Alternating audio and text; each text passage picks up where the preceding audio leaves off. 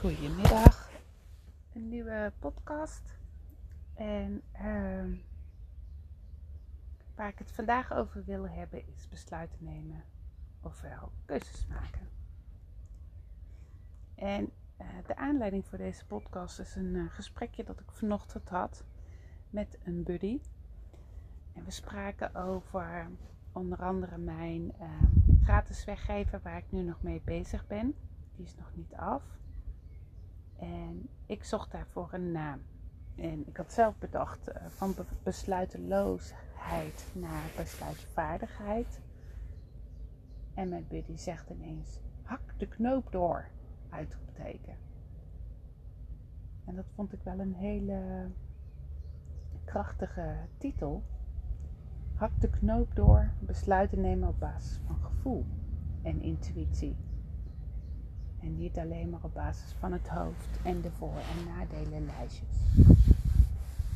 Nou, we spraken daar zo over en ik dacht, ja, waarom is besluiten nemen af en toe zo moeilijk? Nou, ik heb twee voorbeelden van mezelf. Afgelopen Koningsdag uh, was het natuurlijk hartstikke mooi weer. En ik had heel veel zin om lekker in mijn oude bellen de in de grond te planten.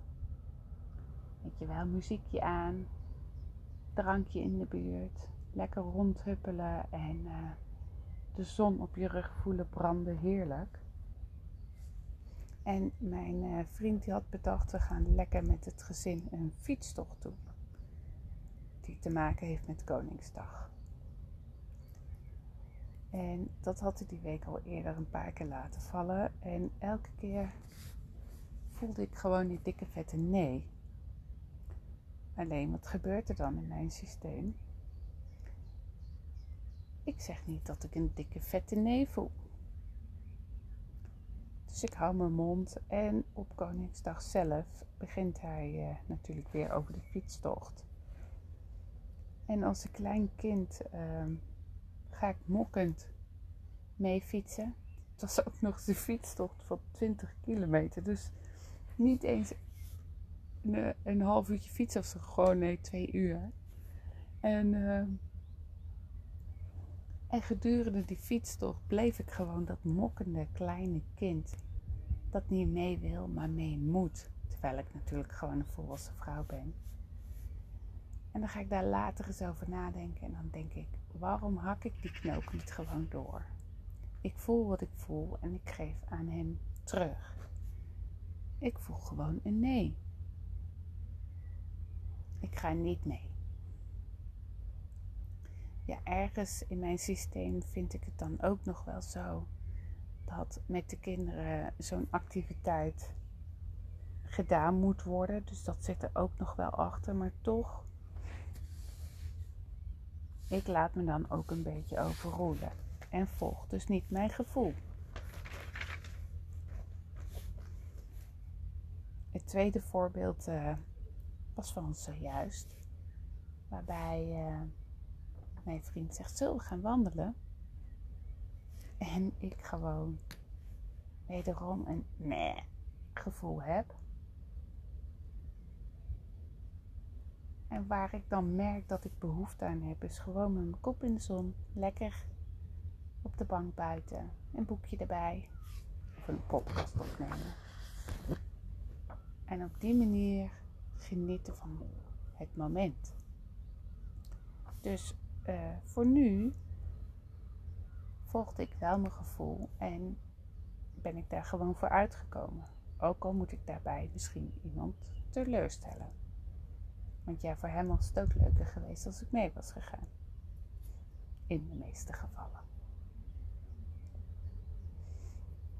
Ja, wat ik dan merk, en dat, dat kwam ook terug in dat uh, gesprek met mijn buddy, is dat het zo vaak zo normaal wordt gezien om besluiten te nemen met je hoofd. Met je denken, met je ratio. Dat je voor- en nadelen lijstjes gaat maken. En dat je op basis van zo'n lijstje het besluit neemt. Wel of niet doen. Terwijl het besluit gevoelsmatig al lang is genomen. waarbij je kunt kiezen voor optie A of optie B. En toch hebben we eigenlijk alleen maar geleerd keuzes maken doe je met je hoofd. Want herken je dan ook niet die situatie dat je voor een keuze staat? Ga ik wel of niet aan die nieuwe baan beginnen? En dat je misschien 20 voordelen hebt en 10 nadelen. En dat je dan uiteindelijk toch ervoor kiest om het niet te doen. Dus gevoelsmatig gebeurt daar dan al iets. Dan kun je nog zoveel voordelen hebben, maar uiteindelijk doe je het niet. Of je doet het wel, want ja, je hebt immers 20 voordelen en slechts 10 nadelen. Maar dan moet je later alsnog op dat besluit terugkomen. Ah ja, eigenlijk had ik het al wel aangevoeld, maar ik durfde het niet te doen en nu blijkt dat het toch niet werkt. Een paar jaar geleden stond ik ook voor zo'n keuze. Ik werkte toen nog bij PricewaterhouseCoopers. En um, ik werkte in de vestiging Rotterdam. En ik kon in Amsterdam gaan werken bij een heel jong team. Enthousiaste mensen. Uh, leuk team mensen die er waren voor elkaar. En uiteindelijk zei mijn baas in Rotterdam: Ik wil niet dat je naar Amsterdam gaat. Ja, je mag wel naar Amsterdam.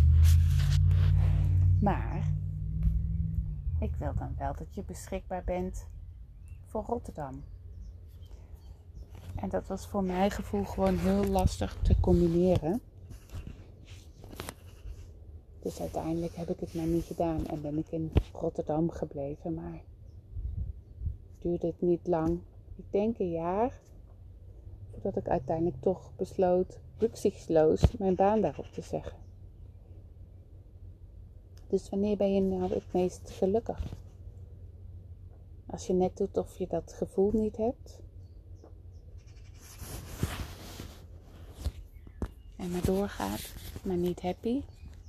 Of de keuze maakt en misschien een ander moet teleurstellen. Maar je wel naar jezelf hebt geluisterd. Nou, dat is precies waar dat nieuwe werkboek van mij over gaat. Hak de knoop door en neem besluit op basis van je gevoel. Zo heb ik bijvoorbeeld een tijd lang samengewerkt met iemand. En misschien herken je dit wel. Maar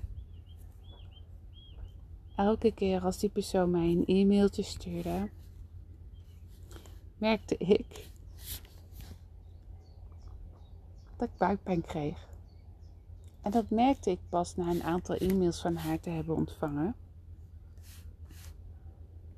Totdat ik, dat ik, ja, totdat ik mij op een gegeven moment realiseerde van hé, hey, ik krijg buikpijn elke keer als ik een mailtje of een berichtje van haar lees. En wil ik buikpijn hebben in een samenwerking? Of wil ik genieten van een samenwerking van elkaar upliften. Van 1 in 1 is 3. Van enthousiast worden, van met elkaar lachen. En er uh, gewoon een geweldig resultaat van maken. Ja, dat laatste wilde ik. En het mooie was ook wel dat ik gewoon ook richting haar toen daarna kon benoemen van ik stop met de samenwerking.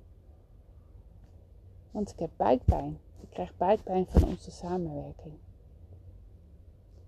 En wat daaraan mooi is, is dat ik het bij mezelf kon houden. Want het, het ging niet over hoe zij dingen deed of over hoe ik dingen deed. Alleen het resultaat was, ik heb buikpijn. En uh, dat was voor mij wel een eye-opener van je lijf geeft je als signalen voordat je hoofd erbij kan. En in dat werkboek ga ik je ook meenemen over, over ja, ga ik je ook meenemen in dat soort zaken, zodat je je bewust kunt worden van de wijsheid en de kracht van je eigen lichaam. En natuurlijk moet je je hoofd niet onderschatten en heeft je hoofd ook een rol. Alleen Je hoofd heeft niet voor 80 of 90 procent de hoofdrol. Het mag meer in balans zijn. Want soms ga je niet kiezen voor een andere baan waarbij je minder inkomen hebt, omdat je dat met de hypotheek gewoon niet kan redden. Dus maak je een keus ook op basis van ratio en wat voor jouw situatie geldt.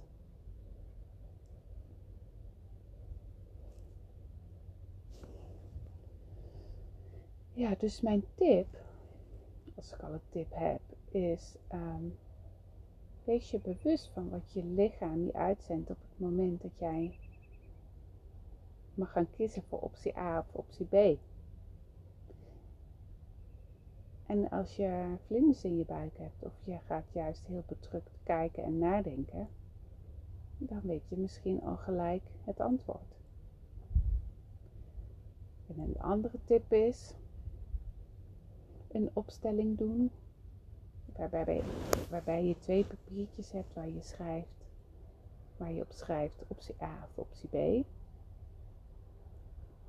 En dat je deze blind maakt, dus je ziet niet wat op welk papiertje staat. En dat je gewoon eens op die papiertjes gaat staan en gaat voelen wat er met je gebeurt. En wat als je dan eens het besluit neemt op basis van je gevoel, je intuïtie, in plaats van met je hoofd. Nou, ik zal je een seintje geven als het werkboek online staat. En mijn idee is ook om dit werkboek uh, gratis weg te geven.